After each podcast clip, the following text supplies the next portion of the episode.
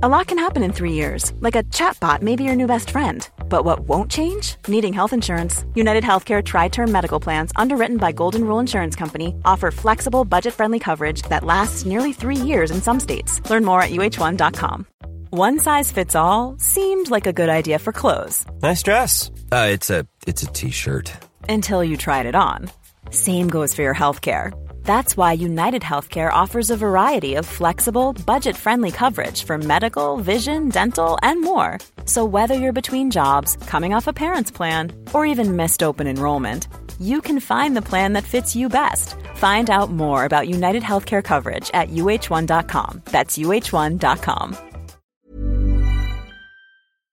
Hallå! Simon Gärdenfors heter jag och snart börjar min podcast Arkivsamtal. Detta händer snart. Den 18 augusti så kör jag stand-up på Malmöfestivalen. Och utöver det så kommer jag göra en massa stand-up-gig runt om i Sverige. Bland annat så är det snart premiär för min nya stand-up-timme. Föreställningen heter Vesslan. Och jag kommer turnera med Anton Magnusson som kör sin nya fullängdsshow Benne. Man köper alltså en biljett till båda våra shower som vi kör efter varandra. Biljetterna har just släppts så passa på att boka. Ni hittar info och länkar till det här och alla andra gig som jag har på gardenfors.com. Städerna jag kommer uppträda i framöver är Malmö, Stockholm, Lund, Göteborg, Sundbyberg, Motala, Linköping, Kristianstad och Växjö. Sen kommer det tillkomma lite fler datum också och städer. Men en sak till. Jag har haft den här podden i över fem år nu och jag vill jättegärna fortsätta så länge som möjligt. Men jag behöver lite ekonomisk hjälp från er lyssnare. Jag har en Patreon-sida där man kan donera en dollar eller två eller tre eller mer. Så dras det pengar när det släpps ett nytt avsnitt. Jag uppskattar som fan alla nya Patreons som har tillkommit och alla gamla också såklart. Tack så in i helvete till er. Eh, vi har kommit upp till hälften av målet nu och det går stadigt framåt tack vare er lyssnare. Och om det här målet uppfylls till hösten så kör jag vidare med podden. Annars tar jag en paus och återkommer om jag når upp till Patreon-målet. Så in och supporta nu. Pausa podden. Gå in på patreon.com snedstreck arkivsamtal. Alltså patreon.com snedstreck arkivsamtal. Och säg tack för fem år av skoj. Men om du är luspank så kan du väl åtminstone följa mig på Instagram. Där heter jag atgardenfors. Men nu kommer Arkivsamtal. Mycket nöje.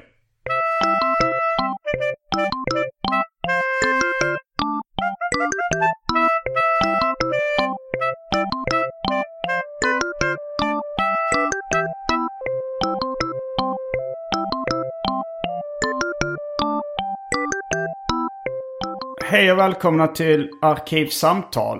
Jag heter Simon Gärdenfors och mitt emot mig sitter finsmakarfavoriten Adam Svanell. Stämmer. Välkommen hit. Tack. Uh, kulturjournalist. I viss mån. Okej. Bara, eller hur skulle du presentera dig? Nej men det låter jättebra. Ja. Finsmakarfavorit menar jag då att eh, de lyssnarna som är finsmakare av Arkivsamtal har det som favorit. Det, det kanske framgick. Jag är inte att- säkert det kunde vara att, eh, att jag var en finsmakare som... Uh, ja det är oklart. Som var en favorit. Ja, Ja. men det var därför jag kände mig tvungen att förtydliga. Det är bra. Ja men det är hedrande. Och ehm, ja, du skriver ju bland annat för eh, Svenska Dagbladet. Ja, nästan bara. Ja, numera. Eh, och du har bland annat skrivit en artikel där nyligen om eh, män som gråter. Ja, stämmer. Något jag har pratat om en del i mina poddar. Kanske mest i Specialisterna podcast med då Anton Magnusson och Albin Olsson tidigare. Men jag tänkte att vi ska... Jag, jag har inte hunnit läsa den artikeln ännu. Eftersom den, eh, den finns bakom en betalvägg på Så- svenskan. Så professionellt av dig. Ja, Ja, det, det hade ju säkert varit lite bättre. Men alltså det, det är ju... Jag har läst den i alla Du, fall. du, så har, du jag- har skrivit den och läst den. Ja. Och alltså så här, jag, jag, jag tillhör de som tycker att det är bättre att göra research när man gör intervjuer eller när man, eh, när man har samtal.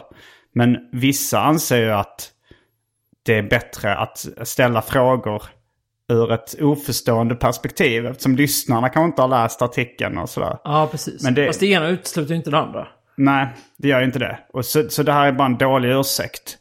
För att jag var för snål och lat för att eh, ta mig bakom Svenska Dagbladets betalvägg. Eventuellt gå ner till en affär och köpa Svenska Dagbladet för säkert 30 kronor.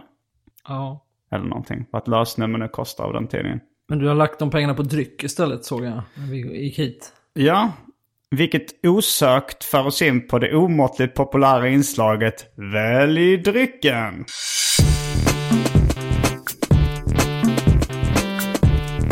Jag tror vi börjar med det fasta inslaget Välj drycken. Och här kommer alternativen. Manderpils, det är en öl. Oppigårds Single Hop Ale, det är en öl. Dry Martini, inklusive oliv. Alltså det är då hälften gin, hälften... Det är konstigt tycker jag egentligen att Dry Martini heter Dry Martini och det är hälften Dry Martini, hälften gin och en oliv. Ja, vad då menar du? Alltså eh, vermouth, man tar ju hälften vermouth och hälften gin. Ja. Men den vermouthen är av märket Martini och av typen extra dry. Ja. Så en av ingredienserna är ju i viss mån dry martini. Ja. Det- Men det är ju lite som, nu pratade vi om det här redan innan vi började spela in, men martini är ju lite som, det är som ordet sallad tror jag ungefär. Det kan betyda vad som helst. Ma- Massa drinkar heter martini. Så är det alla möjliga konstiga grejer i. Det får vi kolla upp. Eller bara så skit, vi kollar upp det och bara kör på det här. Ja, det kan man också göra. Det, har du snackat om det att, eller var någon som snackade om det att det är liksom, man kan vaska den grejen att kolla upp någonting. Att man inte behöver. Jag vänta nu, det var filmen um, While We're Young. Av, eh, jag tror det är Noah Baumbach som har gjort den. Där det var, där det, där var ett äldre par eh, kulturarbetare som träffade ett yngre par som var hipsters. Just det. Den har jag hört ska vara jättedålig. Jag tyckte den var jättebra. Jaha. Men där är det, där var det de här, eh, när de, de här liksom äldre i 40-årsåldern, de, eh, de vill kolla upp någon fakta, de sitter liksom och diskuterar. Eh, och så säger den yngre killen då så här, wait, wait, let's decide to not know. Att de liksom tillhörde den generationen som, som kunde unna sig att inte veta. Jag fattar. Ja, det kan säkert finnas en sån motrörelse. Eh, fast det var, ju, det var ju lite pretentiöst. Jag tror det var en del av skämtet att han var sån. Eh, detta om eh, Martini. Sen har vi Arkivsamtal-klassikern Hawaii Gay Club. En dryck som har börjat leva sitt eget liv. Mycket på sociala medier. Folk eh, är, är som galna i den. Den innehåller uh, Passoir, Malibu och lemonad. Sen har vi en populär energidryck i sex olika smaker. Fanta Zero, Coca-Cola Zero, gammal Rosita som är nio år gammal, Baileys, Gundel aprikossprit, Bloomy Drinks Power som är någon slags ekologisk dryck som ingen vill ha, som jag har fått. Eh, Hex, Varför vill ingen ha den? den, jag vet inte, jag tycker den låter lite krystad. Det här Bloomy Drinks Power. Ja, gud förbjuder att man inte har en autentisk framtoning för sin, sin dryck. Ja, det, men de har ansträngt sig för mycket för att den ska vara autentisk. Eh, sen har vi häxblandningen. En blandning av alla drycker jag hade i eh, min kyl innan kylen genomgick en så kallad corporate rebranding. Sen för tråkmånsar och nejsägare, vatten. Ja. Eh, jag står emot min impuls och försöker ta det konstigaste. Vad var det Eh, konstigaste? jag vet inte, det var väl den där kanske som ingen ville ha. Eller Häxblandningen. häxblandningen möjligen. Eh, jag fick en pik en gång när jag hade ett paket, uh, vad det nu var. Camel-cigaretter och en på mitt jobb sa jag trodde du skulle röka något mer, vad han sa? Något mer sökt? Nej, vad, vad sa han? Något mer... Excentriskt. Eh, jag hittar inte ordet nu, men i alla fall liksom att jag skulle varit för, liksom, lite mer skitnödig och haft något knepigt. Men så jävla skitnöd är det ju inte. Alltså du klär dig inte speciellt excentriskt och du... Jag tycker inte du, du är ingen eh, kultursnobb skulle jag inte säga. Nej, jag vet inte. Tydligen hade det framtoningen och var typen av person som skulle röka en gitan eller något. Gitan. Gitan, precis. Eh, så, Gauloise. eh, så... um, jag Vad tar- rökte du sa du? Ja, det var vanliga Camel Cig då. Okej, ja, det är, det är en, inte mal på. Gula i och för sig. Nej, men jag tar en eh, Dry Martini. Eh, jag är lite sugen på det också faktiskt. Då är vi strax tillbaks med dryckerna. Kända från det omåttligt populära inslaget Välj drycken. Häng med!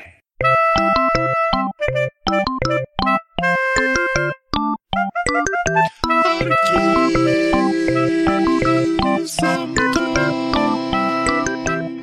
då är vi tillbaks med varsin uh, draja, som det så skämtsamt kallas. Eh, och vi ska kasta oss in på dagens ämne. Ja, eh, Som- gråt. Manliga tårar. Ja, Det var väl det din artikel handlade om. det kan man säga.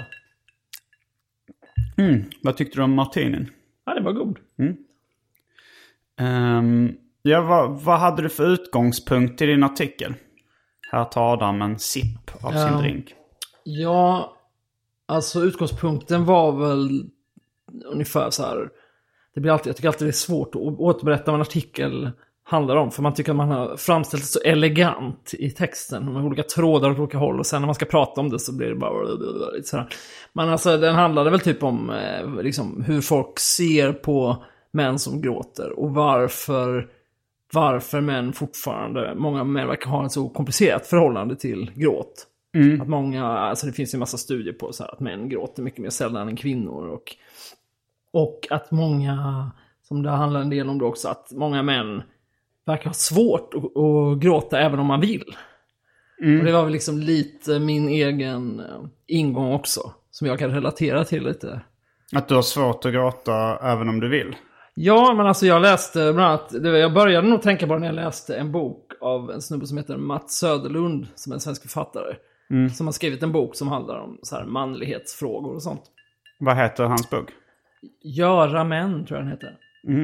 Ehm, och han, den inleds med, liksom hela hans utgångspunkt för att han vill skriva om det här är typ att han kommer på sig själv med att han, han kollar på någon sån riktig snyftarfilm med sina barn. Och så börjar han få en så tårar i ögonen. Och då kommer han på sig själv med så här, att typ torka undan tårarna så barnen inte ska se. Och sen frågar hans dotter typ så gråter du pappa? Och så säger han så nej nej. Och sen börjar han reflektera så här, oj men varför skäms jag och tycker det är pinsamt att gråta och jag tycker bra. Så det är liksom hans utgångspunkt. Och han är väl liksom 50-55 någonting. Och jag då som tillhör en annan generation tänkte jag kan inte riktigt relatera till det där. Eh, jag tyckte typ så här att jag tyckte inte det är så pinsamt att gråta. Inte på det sättet i en sån situation. Och jag tänkte snarare på att jag snarare har liksom svårt att gråta. Att jag skulle vilja kunna ha lättare att gråta. Att jag har varit i situationer där jag kanske, säger man har varit på någon begravning eller något. När jag inte har kunnat gråta och när jag snarare har tyckt det var pinsamt. För Att man framstår som känslokall för att man inte klarar av att släppa fram det liksom. Ja. Så det var väl det, där någonstans jag började liksom hålla på med det här. Men sen är det en toklång artikel så det finns ju massa olika perspektiv. Men det handlar en del om så här, hur, hur det var historiskt med gråt. Alltså att fram till egentligen typ industrialiseringen så här för 200 år sedan ungefär. Så fram till dess har man haft en helt annan syn på män som gråter. Det är klart att olika olika tider, men väldigt ofta har det varit så att det betraktas snarare konstigt att inte gråta. Att man har betraktat det som ett tecken på att man är liksom mänsklig och har ärligt uppsåt och sånt. Så att i väldigt många tider har det varit så eh, att liksom kungar har gråtit öppet och alla möjliga människor liksom alla från liksom Jesus gråter i Bibeln till liksom i Iliaden så gråter de hela tiden när de är ute och strider och eh, ja men sådär liksom att, att i massa andra tider har det varit ett, helt självklart att en man kan gråta och att det inte är något konstigt och att man snarare betraktas som lite psykiskt sjuk typ eller avstängd och knäpp om man inte kan gråta. Eh, ja, och det, det mynnar klart ut i liksom, idén att, eh, att det mycket beror på en so- social konstruktion och normer, liksom, att, man, att män inte gråter. När, Snarare. kom den, när kom det idealet? Började det komma in då att män inte skulle gråta? Eller att det var... Ja, men det är ju alltså... det är inom så här mansforskning så pratar man om så, det moderna mansidealet. Som man då menar har liksom präglat eh, manligheten i, i väst eh, som senaste 200 åren typ. Och det kom då med industrialiseringen. För då förändrades ju, alltså det liksom... Man ska bita ihop. Ja men det var mycket sånt, hela allting där kom ju liksom på 1800-talet med att det var mycket sådana ideal som handlade om självkontroll. Så lite som att man förbjöd allt som var kul på 1800-talet. Man var ju väldigt så puritansk vad det gällde sex. Det var kul man- att gråta. Och det förbjöd. Nej men du vet så här, eller allting typ av, man skulle kontrollera Var, sig var så. det, man var, liksom viktorian, mot... var det samma som viktorianska? Ja men det är precis, det är samma tid. Och, och man skulle, hade kampanjer mot onani. Mm. Och man, det var ju nykterhetsrörelsen började komma. Och... Grunka då var ju riktig döds... Det var liksom, det var, vill det vara helt fel på 1800-talet så skulle du dra av en rejäl gråtrunk liksom. Då var det ju oerhört omanlig. Var det, och, det, som, var, alltså, det bevisar ju tesen då att det här idealet har bestått. För så, så, även idag är ju gråtrunka så lågt sett. ja, det, det, det, men frågan är om det anses omanligt att runka. Det anses ju omanligt nej, jag att, skojar att gråta. Ja, det, ja. Nej, men, nej, men liksom mycket av den idén om självkontroll och alltså Eh, den... ja, det, den, det, är ingen, det är inget tecken på självkontroll och grunka. Nej, nej.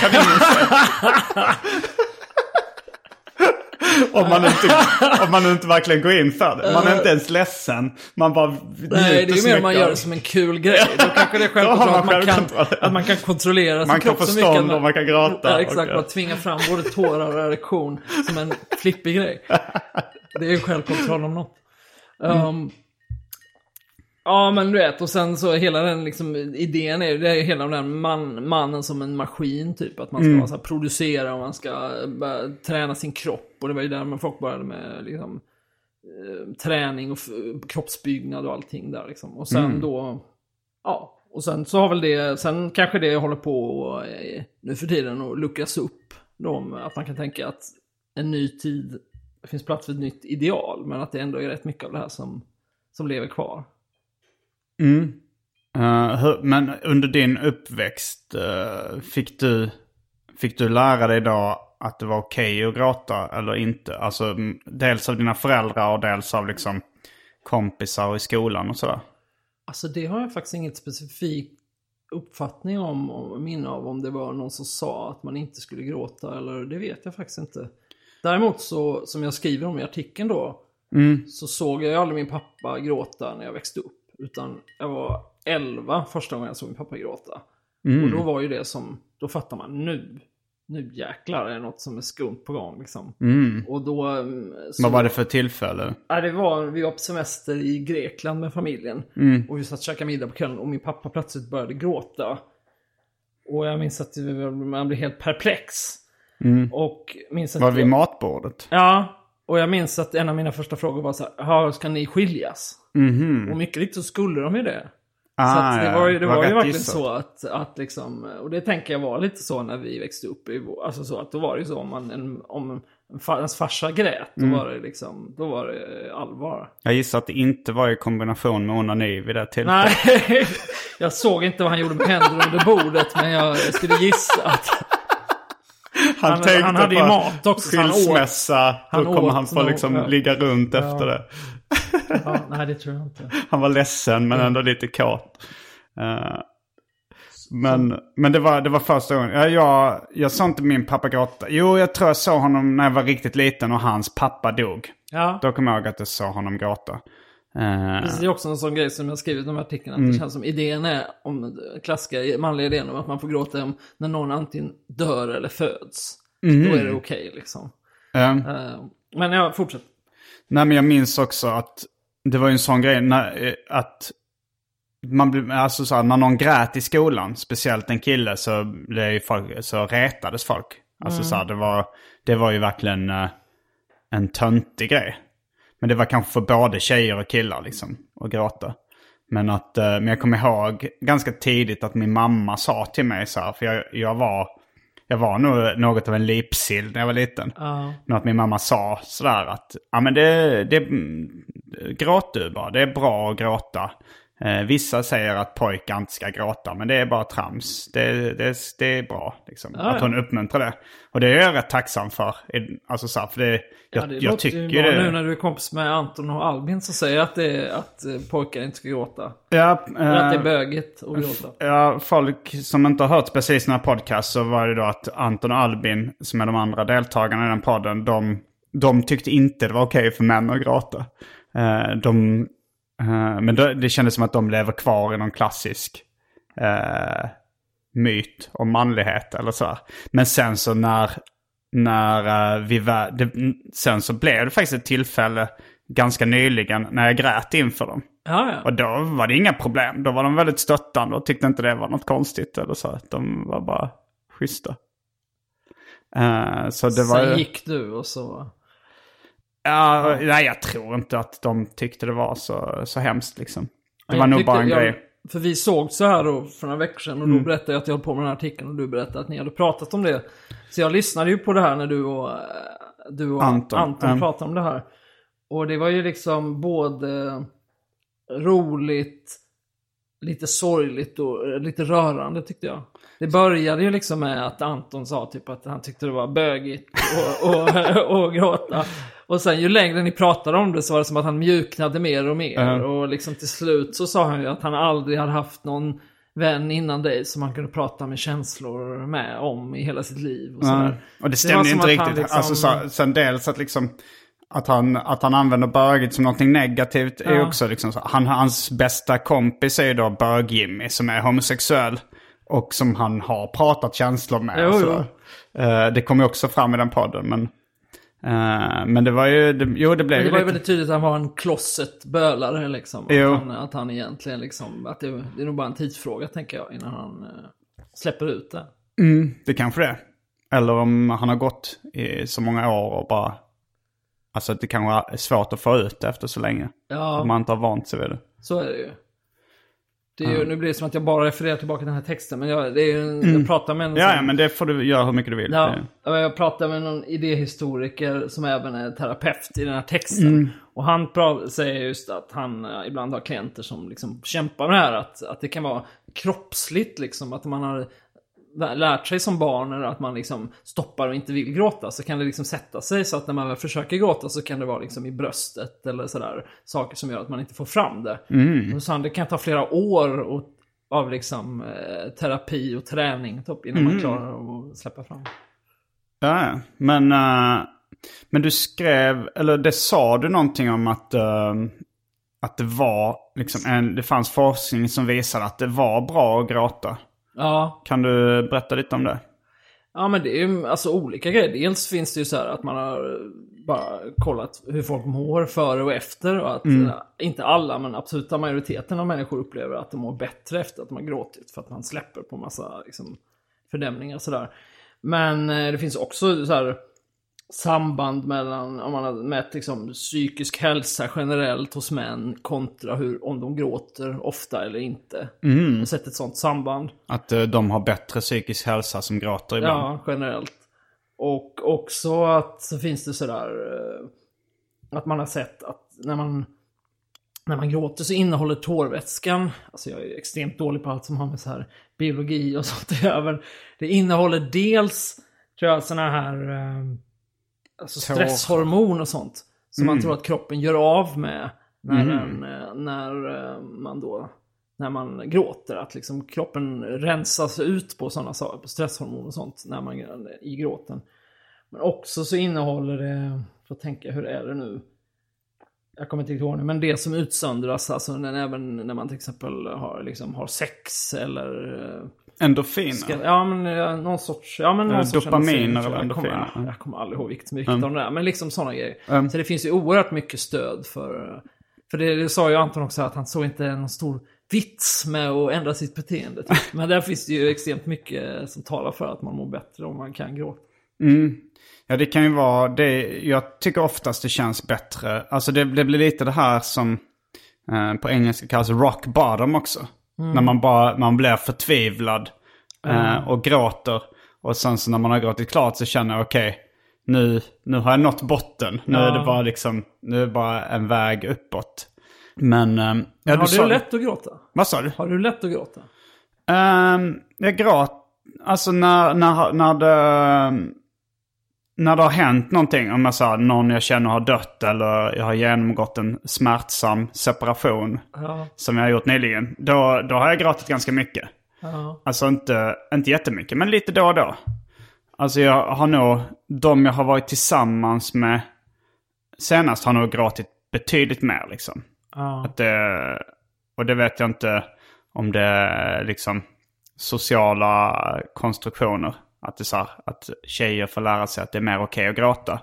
Eller om, om det beror på någonting annat. Men det har jag märkt att... Ja, fast ja, de, de, de två senaste jag varit tillsammans med har gråtit väldigt mycket liksom. Eh, och jag gråter ibland och jag har, jag har nog gråtit också liksom inför eh, både kompisar och flickvänner liksom. Eh, ganska ofta. Eller ofta, det här handlar ju om en eller två gånger på ett år. Eller, eller jag tror kanske, eller en eller två gånger på två år.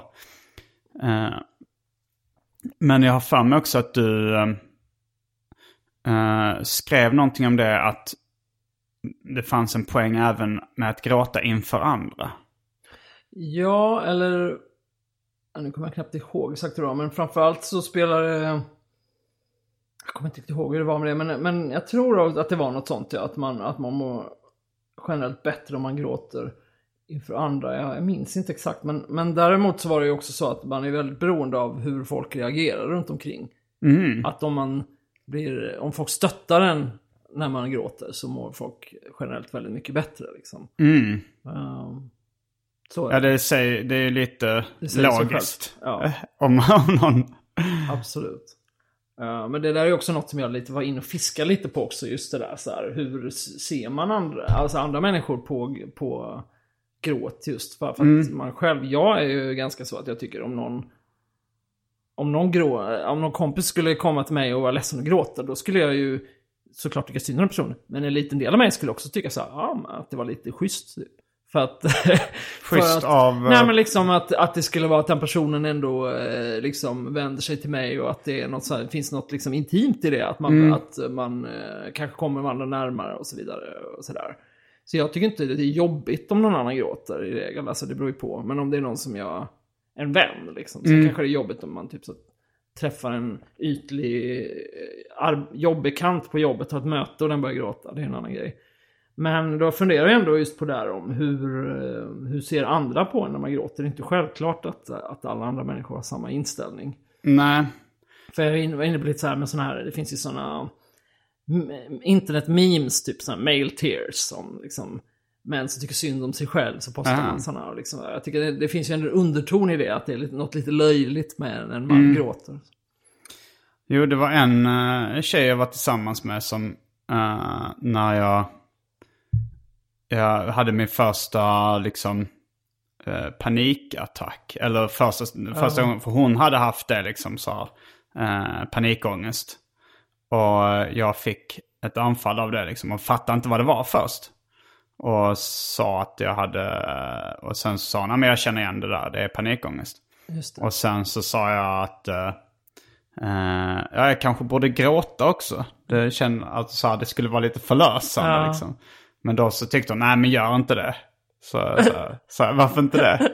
Och då sa hon, nej jag skulle dö av awkwardness om du började gråta just nu. ja, det är ju lite... För det tycker jag om man som, som, eh, jag vet inte om det har något med kön att göra egentligen, men om man gråter inför någon annan så är det liksom, det är som att en liten del av en är så här, tänker så, åh nej, hoppas inte den här personen tycker typ, åh shit, vad, vilken, vil- vad, vilken jävla fjant han är. Som, eller sådär. Det är som att eh, man är pyttelite orolig för det alltid. Så det är inte så kul när man får det, får det bekräftat. Nej, då hade jag ju inte, då, då uh, svalde jag ju tårarna. Eller Ja. jag, det, då grät jag inte liksom. Ja. Men eh, det, det var inte, då hade vi liksom inte blivit ihop riktigt heller. Då var det så här någon man dejtade. Det kanske var lite, det kanske var att bli lite intim lite för snabbt. Ja, det är och börja så gråta det inför vara. någon. Det... Ja, så, ja, men det är ju så i och för sig. Det är väl konstigt att gråta inför någon som man precis, som man inte känner riktigt. Ja det är det ju. Det är nästan ett litet övertramp. Alltså ifall jag skulle, ifall jag skulle stå om, om man nu tar ner det på en ännu lägre nivå, om jag bara skulle stå och prata med någon i en bar. Ja. Och, eh, och den personen hade börjat gråta inför mig. Och jag märker att liksom det här kan du ändå, du hade kunnat låta bli. Ja. Då hade jag nog ändå tyckt så ah men vad fan. Det Ja. behöver du inte utsätta mig för nu liksom. Visst, och det, fin- det finns ju liksom ett, det kan ju finnas ett manipulativt drag i gråt. Att man gråter för, ja, det är väldigt svårt att säga nej till någon som gråter till exempel. Krokodiltårar. Ja, precis. Och det har jag ju även läst på om då. Mm. Krokodiler, de, mycket riktigt så, ut, så gråter de Mm. ganska mycket. Fast det har ingenting med deras känsloliv att göra, utan det är för liksom de har fått något i ögat typ, eller för att hålla liksom... Den gamla ursäkten. Precis. Det är roligt när jag läste den här forskningen så var det också så, det var liksom, de hade forskat, det var någon som studie på så. Män gråter si och så ofta, så och så många män gråter, bla, bla, det var väldigt mycket liksom studier. Och sen det också med det där sättet, att det var typ så, 52% av alla män brukar skylla på att de har fått något i ögat. och så var det typ så här, eh, 12% skyller på att det är deras kontaktlinser som, eh, och så här var det olika förklaringar, så olika vanliga då, Ja. på vad man skyller på. Life is full of what ifs. Some awesome, like what if AI could fold your laundry? And some, well, less awesome, like what if you have unexpected medical costs? United Healthcare can help get you covered with Health Protector Guard fixed indemnity insurance plans. They supplement your primary plan to help you manage out of pocket costs. No deductibles, no enrollment periods, and especially no more what ifs. Visit uh1.com to find the Health Protector Guard plan for you. Hey Dave, Yeah, Randy. since we founded Bombus, we've always said our socks, underwear, and t shirts are super soft. Any new ideas? Maybe sublimely soft. Or disgustingly cozy? Wait, what? I got it. Bombus. Absurdly comfortable essentials for yourself And for those facing homelessness. because one purchased equals one donated. Wow, did we just write an ad? Yes. Bombas. Big comfort for everyone. Go to bombas.com slash ACAST and use code ACAST for 20% off your first purchase. Quality sleep is essential. That's why the Sleep Number Smart Bed is designed for your ever evolving sleep needs. Need a bed that's firmer or softer on either side? Helps you sleep at a comfortable temperature? Sleep Number Smart Beds let you individualize your comfort so you sleep better together. JD Power ranks Sleep Number number 1 in customer satisfaction with mattresses purchased in-store. And now, save 50% on the Sleep Number limited edition Smart Bed for a limited time. For JD Power 2023 award information, visit jdpower.com/awards. Only at a Sleep Number store or sleepnumber.com. Jag har skildrat i... ja, dels, dels den här scenen när jag höll på att gråta efter en panikattack finns skildrad i Simons 120 dagar. Och sen så när jag ser min pappa gråta, det, det är när, vi, när eh, då min kompis har dött. Men då, var, då fyllde inte han på det. Det var snart tvärtom. Att min mamma trodde att det var någon salva eller någonting han hade på kinden. För att han grät så sällan. Så för, du har någonting där, någon... Men då sa han själv, nej nej det är tårar liksom. Ja, ja. nej men det, men, ja. Vänta, jag ska bara pausa lite. men när var första gången du såg din pappa grunka då? Uh, nej, jag har, jag har varit rätt förskonad från... Uh, alltså, eh, jag hade ju ändå väggen mot uh, mina föräldrars sovrum. Ja, ja. Och jag, jag har väl hört dem kanske, jag hörde väl kanske någonting jag misstänker, eh, misstänkte var ett samlag. Ja, eh, någon gång liksom. Och då, då blev jag lite äcklad, men jag levde nog lite i förnekelse. Så att ah, det, det här kan nog vara ljudet av någonting annat. Men jag har inte hört... eh, vad föreställde du att det var de gjorde där inne istället? Aerobics? ja, nej, jag, tr- jag tror, tror nästan det var så att jag sov liksom. Och tänkte och hoppades på att det här var bara en dröm. Ändå, nej, men, jag, tror, jag tror lite där att jag, jag bara vaknade till och levde lite Ja, ja. Jag har, ehm, jag har liksom inte varit med om så jättemycket pinsamma... Jag har inte liksom eh, gått in på dem någon gång. Eller, jag har inte sett några, eh, varken min mamma eller pappa onanera. Och, eh, jag har sett dem gråta men det har inte varit i kombination med onani. Nej, vad skönt. Så du sparar in lite terapitimmar där. Ehm, jag ehm, har nog aldrig heller blivit påkommen med att runka av mina föräldrar i alla fall. Nej, Har du blivit det? nej, nej det, har, det tror jag inte. Nej. Jag har blivit det av eh, kompis. Av, Anton just då. Har, han, han har ju sett mycket mig göra. Han har inte sett mig runka och gråta i kombination. Men han har ju sett båda två vid separata tillfällen. Han kanske brukar sätta ihop det i huvudet. Skapa sig en sån egen mental bild av hur, hur han tar den ena liksom och lägger ihop den andra. Och det var en gång också som jag... eh, det var en... jag var väldigt nära med att bli påkommen. Det, då, det var, jag hade inte börjat låsa dörren till, till min ytterdörr då. Eh, och då så var det min dåvarande... Då, då var jag kanske 19-20. Och min dåvarande flickvän bara gick in i dörren och jag hade typ byxorna nere. Ah, ja. Eh, och jag, det, att, ha, att bli påkommen med byxorna nere brukar vara förknippat med otrohet. Ja. Men här var det liksom onani. Men jag hade bara ursäkten då att jag skulle sätta på ett plåster på benet. Men hade det varit så farligt om ni var ihop? Så, ja. Eh, vi hade inte varit ihop så länge. Kanske en månad. Och jag vet inte jag, om jag hade varit så öppen med bara... Vad, eh, vad skulle jag säga liksom? Ah, jag eh, skulle just börja... Alltså jag hade, jag hade nog inte dragit... Jag hade dragit ner byxorna men inte kalsongerna tror jag. Och där bara kom hon in genom dörren. Och jag vet fan varför hon inte knackade. Jag tycker vi ska göra en sån där. Vi gjorde en annan gång när jag berättade en historia att du tvingade mig ringa upp den personen som Ja. eh, hade varit med om det. Ska du inte ringa upp henne och fråga? Liksom, konfrontera det här var då- Inte... Eh, en finsk utbytesstudent. när, jag bodde på Ryska huset i Lund. Ihopljuger. Vad sa Det du? låter så påhittat. Att det var en finsk utbytesstudent? Cindy Forsell hette hon. Eh, vi dejtade i ett halvår kanske. Eller något sånt. Och sen flyttade hon tillbaks i Åbo. Jag hälsade på henne några, vid något tillfälle. Men du har den inte på Facebook eller så nu? Nej, det har jag inte. Eh, jag, hon ville väldigt gärna vara kompis efter vi hade gjort slut.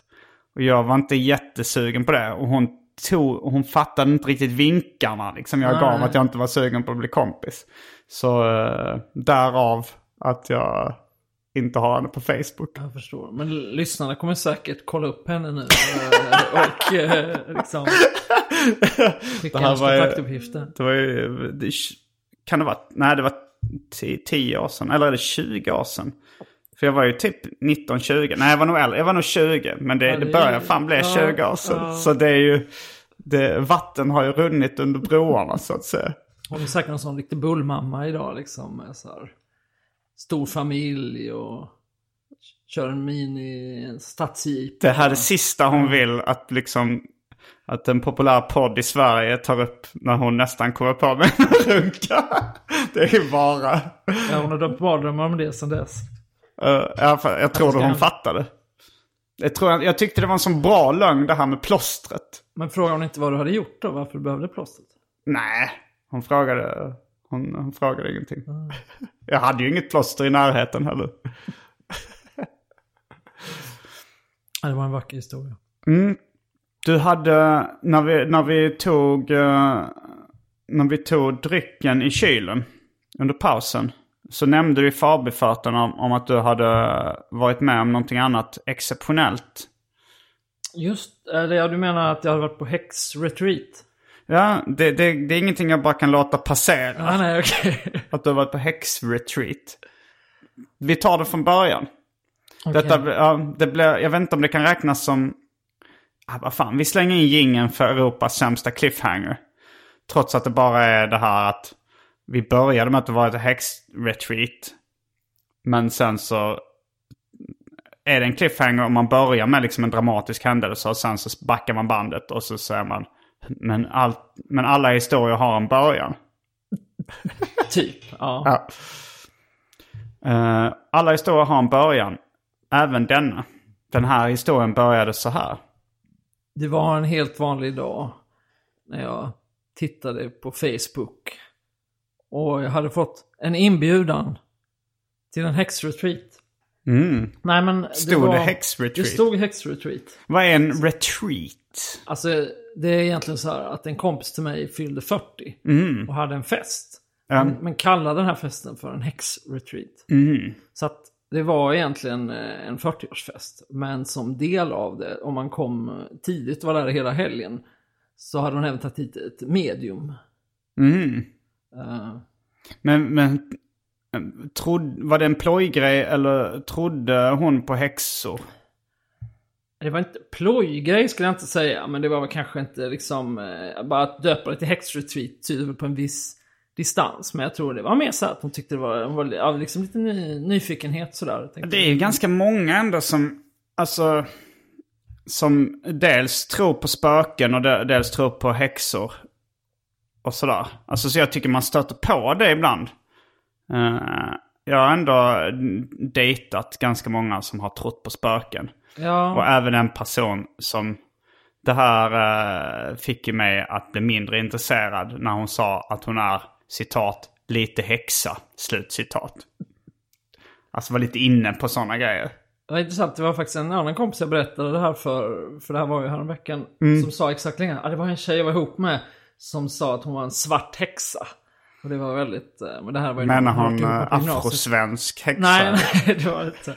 Nej, vänta, förlåt. Det var, hon var en vit häxa var det. Jaha. Så var det. Och det betyder Det låter då att lite man rasistiskt. Var, ja, nej, men det betyder väl att man var liksom på det goda sida. Jaha, Sådär. ja men, men vilket jävla trams. Men jag tror att det är en sån typisk grej som folk vet. Eh, folk har, man har starka känslor kring kanske. Så att man kan inte prata så mycket om... Alltså jag förstår, jag upplever också att det är ganska många som, eh, som eh, kanske tror lite på här grejer. Men att man kanske inte tar upp det för att man känner av att folk ska reagera så som du gjorde nu. Och säga vilket jävla trams. Ja, Ehm, precis. Jo, det är ju... Alltså det, det kanske inte har lika negativa eh, effekter som andra grejer. Så, alltså som om jag tycker, om det är någon som liksom säger så här att de, att de inte tror på rasblandning eller sånt. Ja. Då kanske jag skulle liksom säga vilket jävla trams. Eh, men då är det ju mer, då känns det okej, d- den åsikten har större negativa konsekvenser. Medan om man, om man tror på häxor och spöken och jag säger vilket jävla, det, det, det är liksom, det är lite mer harmlösa åsikter. Men, verkligen. men jag tycker ändå att det är, det är trams. Ja. Alltså jag är ändå lite mer, eh, försöker vara lite mer open-minded. Så Mm. Jag tänker liksom, Ja, det är en, det är en fin inställning. nej men jag tänker så här att, eh, att det finns ju väldigt många, eller ganska många som har liksom nästan lika stark tro på vetenskap och rationalitet som, som religiösa har på sin religion. Sådär. De är så oerhört eh, på att vetenskapen har alla svar och så vidare.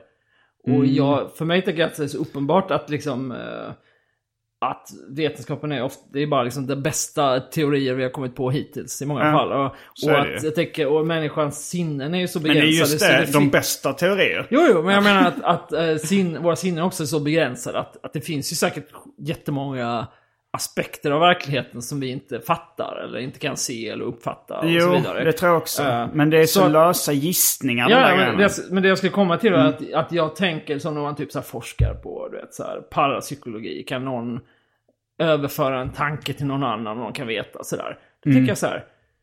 Eh, ja, alltså det är väl inte helt osannolikt att det går på något sätt. Liksom, Man gör ju att, det eh, genom språket till exempel överför man ju tankar till Ja, men någon. också att man kan ju typ titta på en människa som man aldrig har träffat Mm. innan bara på stan. Och så känns det som man fattar jättemycket om ungefär vilken typ av person den personen är. Det är så Ja, men då mycket är det kommunikation som... kläder och Jo, jag menar det är så mycket kommunikation som är icke-verbal och sådär. Mm. Och att det då på något sätt skulle vara så att det finns andra sätt att kommunicera. Alltså så, som vi inte fattar. Sådana grejer tycker jag det är inte helt osannolikt liksom. Och då kan, kan man ju tänka sig att folk som är medium, syska att de kanske har någon rätt, lite skärpt förmåga att uppfatta saker som inte andra kan liksom uppfatta eller sådär. Så, så, men sen därifrån att faktiskt tro på det de presenterar som sin eh, förstår jag mest, deras förklaringar för det, vad som händer.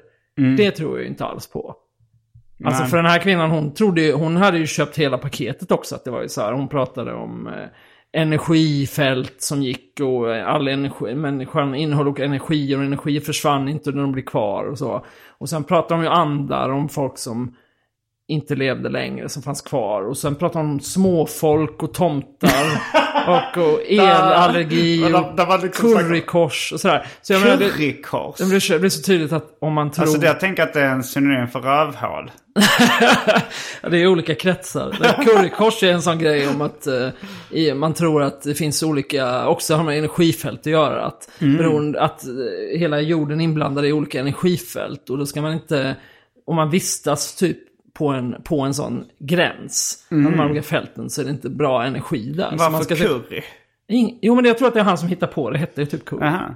Curry är, mm, vi var inne på sallad, att det betyder blandning. Det är Ja, ju, det. curry betyder Just också det. blandning. Men jag kommer ihåg att eh, det fanns en hemsida en gång som guidade till Stockholms... Höjdpunkterna. Nej. Ja, det, där missade jag faktiskt den Mm, referensen. Men eh, en sida som guidade till Stockholms eh, indiska restauranger. Som Mm. jag tror antingen heter currykors eller currykryss. Eh, och currykryss låter ju farligt när daimkryss. Ja. Men jag tänkte att okej, cur- eller om det kanske hette cu- currykorset eller något sånt där. Ja. Och jag tyckte då att det var lite äckligt att de hade döpt den hemsidan efter rövhålet. Liksom, trots att det kanske var lite roligt då att det handlade om curry och indisk mat. Men, eh, men då var det väl snarare det här... eh, Ja, det var referens till den här grejen. Eller jag vet inte om det är new age. New Jo, age. men det är det nog typ. Eller ja, vad vet Ja, jag. men jag hon tror det. på tomtar. Nej, men jag menar just det att, att det blir så intressant att det är som en egen subkultur. Att om man tror på en sak som inte Mm. är vetenskapligt bevisad så hamnar man ihop med folk som tror på andra saker som inte går att bevisa. Och så till slut så köper man hela paketet. Jo, det, är väl, det är väl liksom en nivå av öppet sinne. Ja. Att du har ju ändå... Eh, att, alltså det är klart att jag eh, tror att det finns saker som inte är vetenskapligt bevisade. Ja. Men ska man liksom diskutera på ett eh, logiskt sätt så låt oss hålla, till då, hålla oss till de sakerna som är vetenskapligt bevisade. Annars så handlar det så mycket om gissningar att det till slut för mig blir ointressant. Absolut, men jag menar med så att jag tycker det är intressant och typ en sån här grej, någon frågar, vill du vara med på det här? Ja, ja. Så tycker jag så, ah, men det är mycket mer spännande att vara med och Ja. se och, och så öppen för vad som kommer hända än att vara så här. Ja, eh, sån visst, jag har ju varit på eh, allt från Suklambada Ja. till en uh, spiral... Jag vet inte vad det var. Men jag gick på någon sån här... Jag och några kompisar bara såg att det var någon Chang-spiral eller någonting. Där man skulle sitta i ett rum och vi var på väg dit. Liksom. Jag tycker ju sånt är roligt. Jag är inte öppen för det ifall inte någon kommer med övertygande argument för varför det skulle stäm- stämma. Jag kan bara se det komiska effekten i det annars. Jag förstår. Ehm, ja. Mm. ja, men eh, så då fick man ju bland annat vara med om en uh, trumresa. Mm. Där man skulle hitta sitt kraftdjur. Mm. Vilket var ditt kraftdjur? Nej, jag hittade inte. Du hittade inte det? Nej. Då var du inte tillräckligt öppen. Simon. Nej, jag var nog inte det. Det var så här att hon trummade då Mm. Margita Eldsvan, som hon hette. Det låter taget. Uh, ja, hon hette inte, alltså Eldsvan var hennes artistnamn. Aha. Så Så var hennes hon- inre djur en svan? Nej, vad var det nu? Hon pratade om vad det var. Ja, jag har redan glömt. Mm. Det är lite konstigt om hon heter svan och sen har ett annat djur. Det var något lite hårdare sådär hon hade, typ som en varg eller något sånt tror jag. Känns som folk Ja. ändå Ja. tar lite. Det, det är Det var, väldigt lite, det var sällan en någon kompis tar då som var där. Hon, fick, eh, hon berättade för henne att hon, hennes var en buffel. Jag tror det, för hon är lite, hon är lite bufflig. Ja, ja, ja. ja. Fast på ett härligt sätt. Men... ehm, ja, nej, jag försökte. Man skulle ju då... Hon trummade på den här trumman. Mm. Och så skulle man då föreställa sig att man stod vid ett träd. Och att man... Man liksom skulle å- föreställa sig att man stod vid ett träd. Ja, man låg eh, ner på en matta och Ah. blundade. Medan hon trummade. Mm. Och då skulle man föreställa sig att man var vid ett stort träd. Att det var en öppning i trädet. Att man liksom gick ner eller klättrade ner där. Mm. Och i en mörk gång ner. Och sen kom man ut på en öppen plats. Mm. Om, och så skulle man se om det dök upp några djur där. Och du såg inga djur? Jo, jag såg några stycken.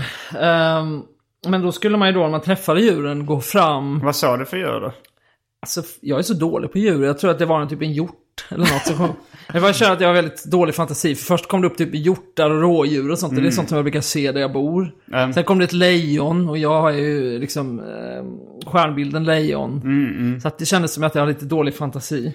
Jag tror Och lite det handlar om så- att du hade tyckt det var för patetiskt ifall du hade gått fram till lejonet och sen säga mitt kraftdjur det är ett lejon. Ja, jag vet. Det var ju så att jag, ja, jag kan inte ha lejon, det är för töntigt. Så jag byta till något annat. Men sen skulle man då gå fram till djuret och se det i ögonen. Och så skulle man känna om det var ens kraftdjur. Ja. Och det där, nej. Nej. Det kändes, Det känns som att- Och sen skulle dessutom kraftdjuret helst följa med en upp sen. För när hon gjorde en viss, började trumma snabbare, Mm. då visste man skulle tillbaka upp. Ja, ja, ja. Och då så skulle liksom kraftdjuret följa med. Men lejon, nej, det, du hade ju behövt kraftdjurens gitan. Ja, En tvättbjörn eller något sånt där. ja, ja exakt. Precis, ja. Så du, fick du fråga då så nej jag har inget kraftdjur. Ja, det blev så. Det var inte så många som hade någon som följde med upp. Det var någon som hade en räv som följde med upp. Räv, det känns som även i furry fandom så är räv det vanligaste djuret som Det var folk... många som hade träffat rävar faktiskt. Mm. Men, eh, sen var det en som träffade en blåval. Men den fick ju liksom inte plats där och åka med upp genom trädet. det blev inget. Ja, Blåval är ju lite gaulois. Ja, det är det lite faktiskt. Det är det verkligen. Eh, Men eh, känner du till furry fandom? Nej. Det är då eh, en subkultur där eh, människor i, identifierar sig med, uh, med, mäns, alltså med, med, inte tecknade djur, men djur som är lite mänskliga. Alltså som, ja men, kanske från filmer eller tecknade serier och sådär. Att man känner att man är liksom, eh, säger man, vad, säger, vad säger man om någonting? Det är inte när, när någonting är som en människa. Det finns ett ord för det. Men uh, ska vi börja, knyta ihop säcken om, eh, om manliga tårar? Just det, ja. Var det, var det någonting eh, i, att, i din artikel som vi inte har tagit upp hittills? Vi... ehm, ja, nej men det var just lite det här jag tänkte på med just hur man... Eh, du verkar ju ändå, lät det som att ha ett ganska sunt förhållande till att gråta, tänker jag.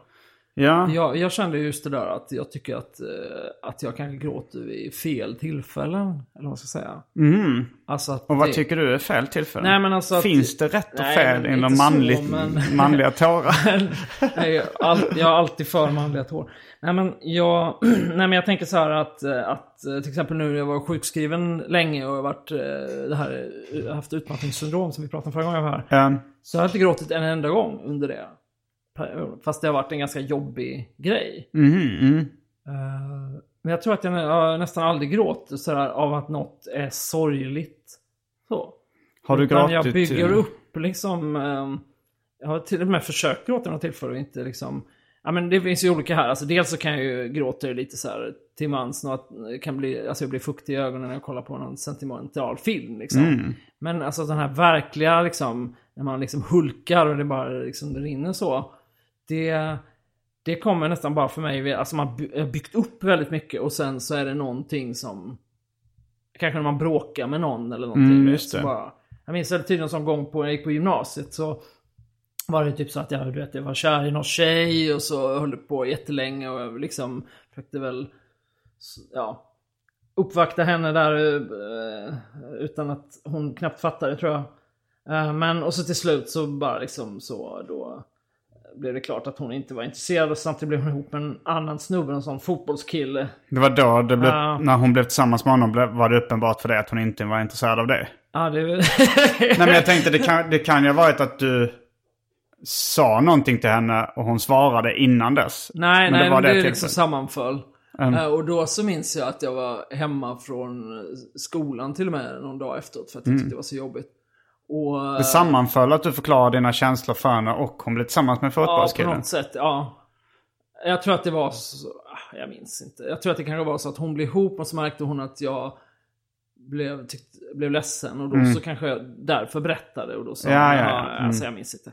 Men, eh, och det minns jag även att den här perioden lyssnade mycket på Private Scream-låten Cry Myself Blind. Mm. En ironi som jag inte alls noterade själv då eh, eftersom jag inte grät. Men sen... eh, Ja, du grät inte då? Nej, nej, jag, menar, jag, jag grät inte alls då. Men, men du var hemma från skolan och, Ja, ja, och var lyssnade på knäckt, musik? Liksom. Mm. Och sen då ett tag efter det här så och var vi med min familj, min pappas familj på, i Köpenhamn. Mm. Och så hittade jag en tröja jag ville köpa. Och så var det väl typ så att jag hade gjort slut på studiebidraget. Och så Mm. frågade jag min pappa om jag fick låna pengar till att köpa den här tröjan. Ehm, Och då sa han nej för att han ville väl göra någon markering för att jag alltid hade slut på pengar eller något sånt, Mm. jag. Och då blev jag skitledsen. Och du vet, bara, bara, tårarna bara sprutade typ. Ja, ja. Så du förstår, det är lite den grejen tror jag. Att man liksom så här. Att när man verkligen är, när jag verkligen är ledsen så har jag svårt att liksom. Ofta svårt att släppa ut det. ja. Men sen i någon sån frustration eller liksom maktlöshet eller någon konf- konfrontation med någon eller något liksom. Jo. Så bara, Jo, men det känner jag igen. Eh, fast, eh, fast med ilska någon gång liksom när jag var så här, Ja. att jag, jag fick sparken från mitt första band, Time.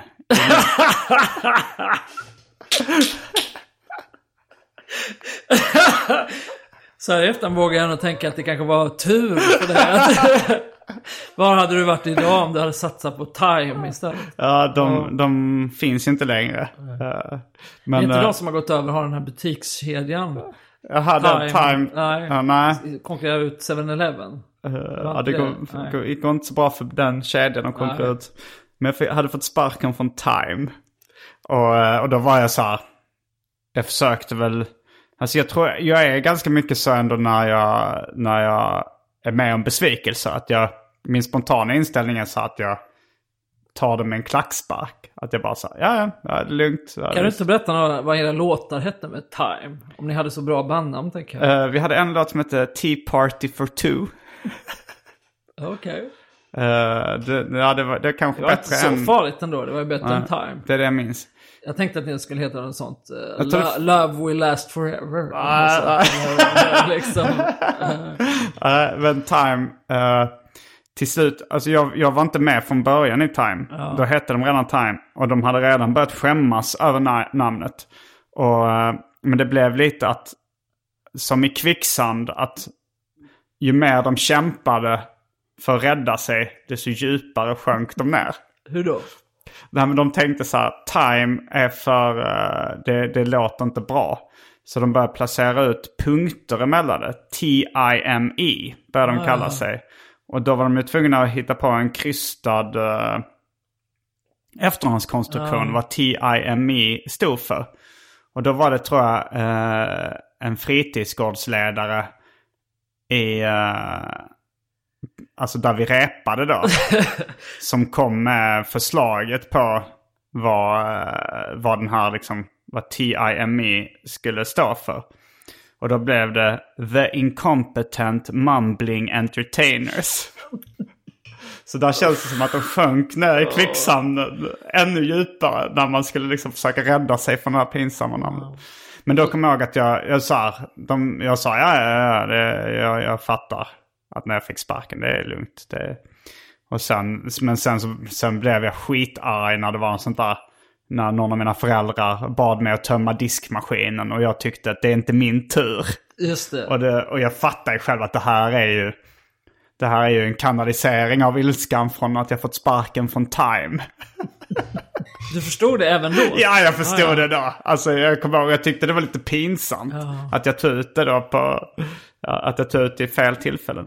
Men, det, men, men jag tycker det är ganska intressant det för att, för att man har ju hört, jag har hört under hela mitt liv tidigare då att eh, om, man, om man inte liksom får ut sin ilska så, så liksom stänger man locket som för, för en tryckkokare och sen måste det pysa ut någonstans. Ja. Eh, men sen senare i livet så läste jag någon forskningsrapport som visade att det där stämmer inte. Att om du bara liksom, ifall du skriker ut din ilska, eh, då byggs den bara på. Att liksom ju mer du, du får utlopp för dina aggressioner, desto närmare får du till att bli aggressiv vid ett senare tillfälle. Att du liksom, att liksom det här hat föder hat, ilska föder ilska. Ja. Att, men om du, ifall du bara viftar bort det, då blir du mindre arg i allmänhet.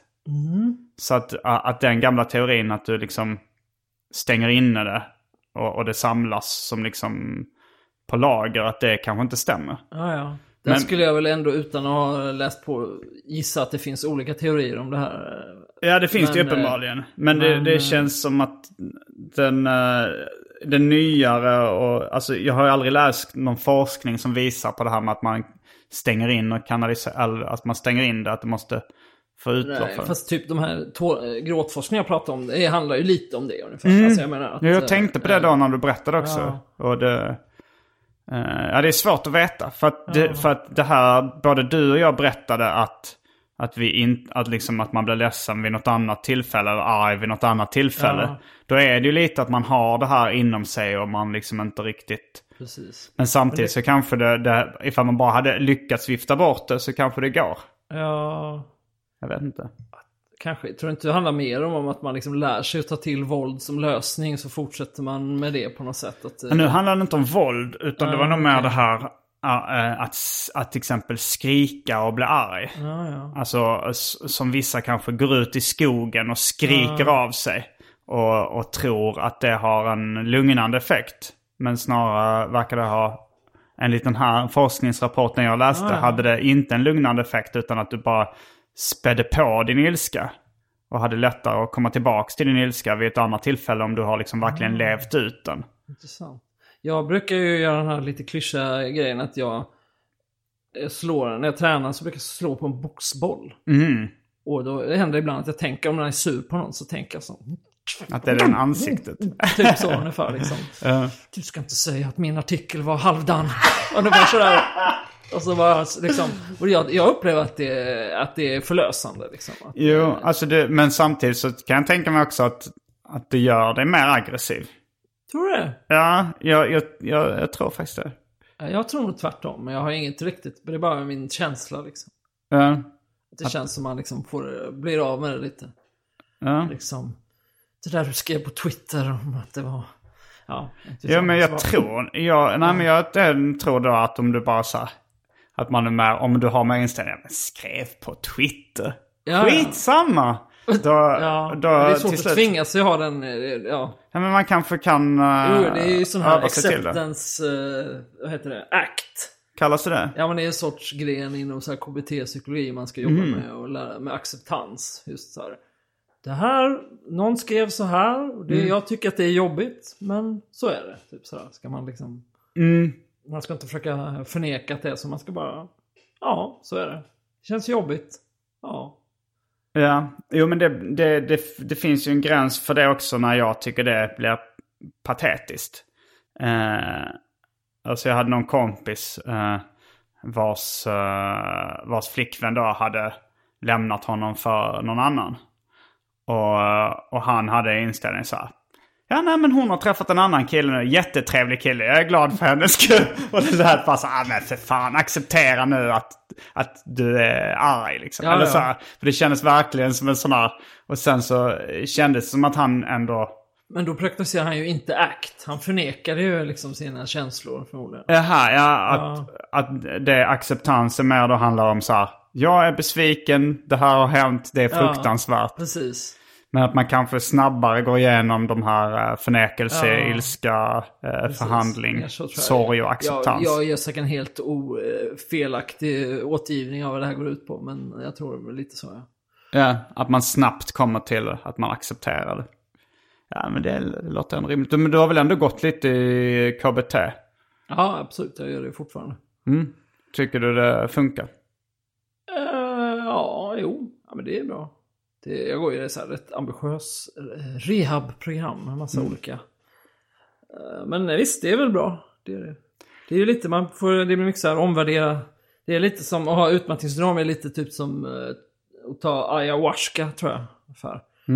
Jag upplever folk som har gjort det, de, de har alltid fått så här, berättat alltid att de har fått en massa insikter om sig själva och så. Men sen de ska förklara vad det är så är det alltid så superbanala grejer.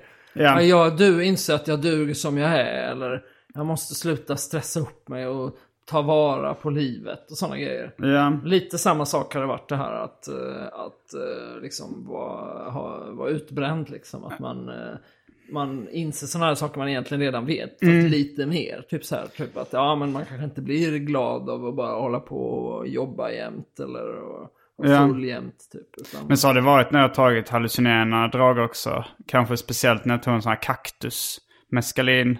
Eh, att jag fick såna här vad jag trodde var insikter liksom. Ja. Och kanske, ja men. Och sen så efter ett tag så inser jag, okej det är en illusion av, av insikt. Att det är så här riktigt självklara, banala saker. ja, Men, eh, Men, men jag vet inte om man känner det väldigt starkt. Att Ja, det, ja, men precis. Någon, det är skillnad på att veta någon, tänka på något teoretiskt Mm. och sen känna det. Så det kan väl... Ja. Jag tänker om jag skulle gå i, i KBT. Att, att då så hade jag kommit dit och så hade terapeuten hela, alltså konsekvent sagt eh, KBT-terapi. Eh, och så hade jag irriterat mig på det. För För att, att det eh, heter, för att borde heta KB-terapi. ja, kognitiv beteende. Men det är visst många som säger KBT-terapi. Ja, ja. Men sen så efter ett tag så inser jag att det var ett medvetet val för att jag skulle sluta irritera mig på slå, små saker. Att det var att hon skulle ut, terapeuten då skulle utsätta mig för det här i Min, små min steg. terapeut säger aldrig det. Nästan- Jag nästan tvekade lite. Är det KBT det jag går i? Men det är det ju. Ja, I KB-terapi. ja. exakt. Ja, men jag, jag kom på, jag berättade faktiskt inte hela klart om det här med häx. Nej just det, Det häxprocessen. var ju en ja, ja. seans sen också. Mm. Eh, där man, eh, hon framkallade andar. Mhm. Så då kom hon med meddelanden från min mormor. Du fick ett meddelande från Ja, din mamma. Alltså yes. var det hon då, via henne? Ja. Nej, det var inte så att mormor var där. Mm. Nej men jag tänkte att du själv bara satt och, och, och hörde det någonstans Nej, ifrån. nej, eller i nej. ditt eget huvud eller? Nej, utan hon... Ett glas som flyttades över bokstäver på... En, Ah, nej, så var det inte heller. Det var hon som kommunicerade då, Mm. hans meddelande. Och låt höra, vad sa Ja. din mormor? Ja, det var helt sjukt faktiskt. Vad heter din sa, förresten? eh, Viola. Viola, ja det är ju roligt bara det. Ja, nej, det var faktiskt chockerande grejer hon sa. Det var ju Ja. att hon tänkte på mig till exempel. Mhm. Och att eh, jag skulle Ja, det är ju ta, ta konstigt om eftersom mig. döda människor inte kan tänka. Ja, nej, jag skojar med men att det var ganska, det hon sa ju ganska generiskt. Så Ja. Det var ju liksom att hon tänkte på mig och Ja. att jag kunde... Du skulle hon ta hand om dig. alltid där för mig och liksom... Och. På vilket sätt fanns hon där? Ja, det, ja, det är oklart. Och hon te- men Ja. vad sa du? skulle ta hand om det också? Ja, men det var ju, hon hade ju, alltså jag hade ju nämnt då det här att jag var utbränd och det. Mm. Så hon liksom ja, spann ju rätt mycket på det, Mm. den grejen. Ehm, Och sen så skulle jag då i slutet ta ett, eller man hade tog ett tarotkort Mm. som skulle liksom säga något om framtiden eller så sammanfatta. Och då fick jag så, tio svärd i ryggen. va? Så det var... eh, det Ditt var, kort visade på tio svärd i ryggen. Ja. Men var det, var det alltid när man hör när, i, i tarotkortsammanhang och Ja. sånt, det här, det här baserar mest på film. Så får de upp liksom döden-kortet eller något sånt Ja. där. Och sen säger de, men nej nej, det är inget negativt. Det här kan betyda förändring. Det kan betyda en början på någonting nytt. Var det så med tio svärd du i säger ryggen? det så, för hon sa så här nämligen ungefär så här. Men nej, nej, nej, det här är inget negativt. Det kan betyda början, om, början på något nytt. Hon sa faktiskt exakt så. Hon sa att det, var, det här betyder att man har typ kommit rock bottom. Och, så, och att nu kan det bara gå upp för och det är en omstart och sådär. Mm. Ehm, men till hennes försvar, eller vad man ska säga, eller, eh, eller ja, jag vet inte. Men var att sen så fick hon som fyllde år en tarotkortsbok. Mm. Och då läste jag på i den där boken om tio svärd. I ryggen. Här, eh, och då så stod det exakt likadant där. För jag tänkte att hon bara sa så för att jag inte skulle bli Men det var tydligen det man alltid sa om det där. Att det betyder Jaha. alltid en omstart och så vidare. Eh, Men var det samma som döden-kortet då? Nej, det var ett annat. Ah, Okej. Känner du att, du att du fick en omstart? Att det var en början på någonting nytt? Nej, egentligen inte. Men det är kanske för tidigt. Det var någon vecka sedan, så kanske tidigt att utvärdera. Någon men, gång. eh, men... Ja, nej, nej, jag vet inte. Jag får återkomma om det helt enkelt. Tusen nålar, tio svärd i ryggen. mm, vi, får, ehm, vi får vänta i några veckor och se om, om det... Ja. Men, då, men då är det ju, då är det ju en ganska förskjuten början på någonting nytt. Om du kommer tillbaka som tio veckor. Så ja, nu har, har någonting nytt Ja, börjat. men jag kanske menar med jag kanske inte märkt att den har börjat. Nej, just det. Eh, Det är lite svårt att utvärdera sådär, men... ja, Ja. Det är som vissa så här, domedagsprofeter. Så när väl, om, om man liksom, de ger ett datum för när domedagen har kommit. Och sen, eh, och sen så har inte jorden gått under när det väl datumet kommer. Men då är det vissa som hävdar att men jorden har gått under, men folk har inte märkt det ännu. Just det. Ja, man vill ju gärna få det att passa in. Det var ju lite med den här grejen också, att vissa grejer hon sa eh, var ju lite så att man kände så, oj, hjälp, hur visste hon det? Typ. Mm. Att hon sa om någon så här, Har du något exempel? ja men alltså jag vill inte gå in för mycket på Det för var ju finns någon det du tycker ganska, väldigt mycket om. Nej men du vet, det var ganska privat så folk pratade om, så jag vill inte gå in för, för mycket på detaljer. Men det var ju så att de sa om någon, typ så här, "Ja, men du har nyligen förlorat någon. Och då här, ja men min, mina, min, båda mina föräldrar dog nyss. Och så. Um, Så att det var liksom lite sådana grejer. Och, jo, men det, eh, men det är ju också rätt generiskt. Alltså det det kan ju vara... Jo, ganska, Mm. men det var ändå liksom... eh, så, eh, visst, ibland fick man lite känslan, oj hjälp, liksom, hur visste den här? Men ibland så kändes det ju verkligen som att man såg hur hon, hon fiskade, typ. Så det var ju en tjej som var med, som var den enda i sällskapet som, som liksom var icke-vit. Så. Eh, och eh, hon var liksom eh, svensk-iransk. Och då sa hon typ så här, jag, jag ser framför mig en kvinna som eh, Eh, alltså en ande då, som liksom hon hade ett meddelande från. En äldre kvinna med huckle och eh, svart hår som har vitnat, typ sådär. Mm. Och hon bara, ja, jag vet inte. Den enda jag kan komma på att det skulle kunna vara är min farmor. Fast hon är blond och hon är inte religiös och hon lever fortfarande. så då kändes det liksom lite sådär, Um, ja, lite svajigt tyckte jag. och med de orden så avslutar vi veckans avsnitt av Arkivsamtal. Jag heter Simon Gärdenfors.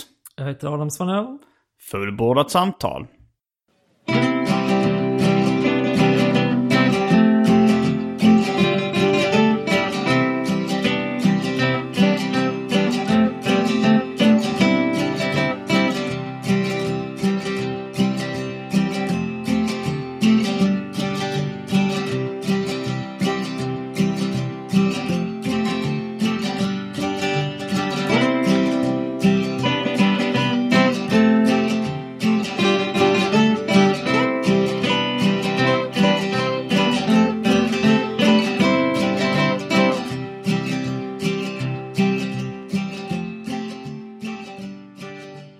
Tack till min klippare Marcus Blomgren som driver Sveriges minst uppskattade Instagram-konto under namnet Marcus Brumgren. Missa inte det.